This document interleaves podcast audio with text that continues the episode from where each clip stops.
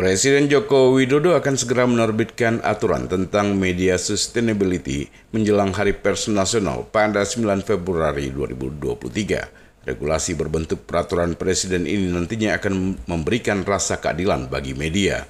Hal ini disampaikan Ketua Dewan Pers Ninik Rahayu dalam keterangan persnya usai bertemu Presiden Joko Widodo di Istana Kepresidenan Jakarta. Menurutnya, platform algoritma selama ini dirasa banyak merugikan pekerja media. Dengan adanya perpres ini, diharapkan pekerja media akan lebih mendapatkan keadilan.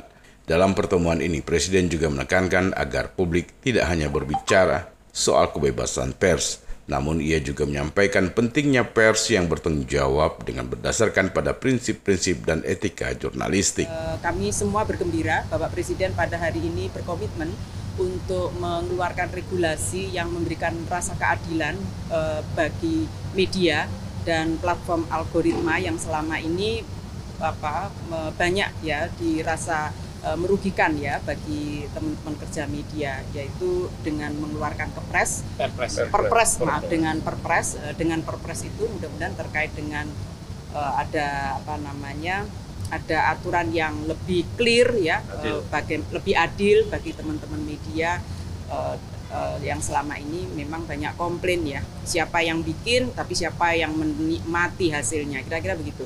Itu barangkali ya. yang ya. disampaikan hari ini. Sekali lagi.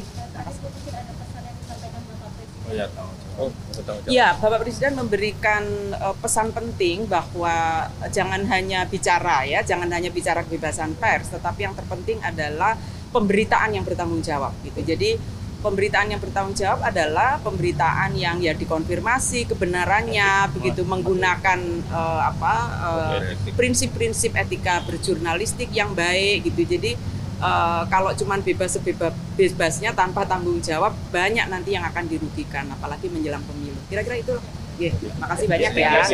Ini dan jajarannya juga menyampaikan sejumlah program kerja besar Dewan Pers kepada Presiden. Program-program tersebut meliputi pendataan ratifikasi pers, pengaduan dan penegakan etika pers, serta peningkatan kapabilitas wartawan.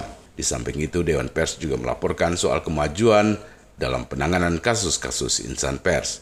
Ninik mengatakan saat ini telah ada nota kesepahaman antara Dewan Pers dengan kepolisian RI. Ia juga menyebutkan bahwa Presiden Joko Widodo akan menghadiri puncak acara Hari Pers Nasional yang akan diselenggarakan di Medan pada 9 Februari ini. Prima Ermat, Tim Liputan Barabas melaporkan.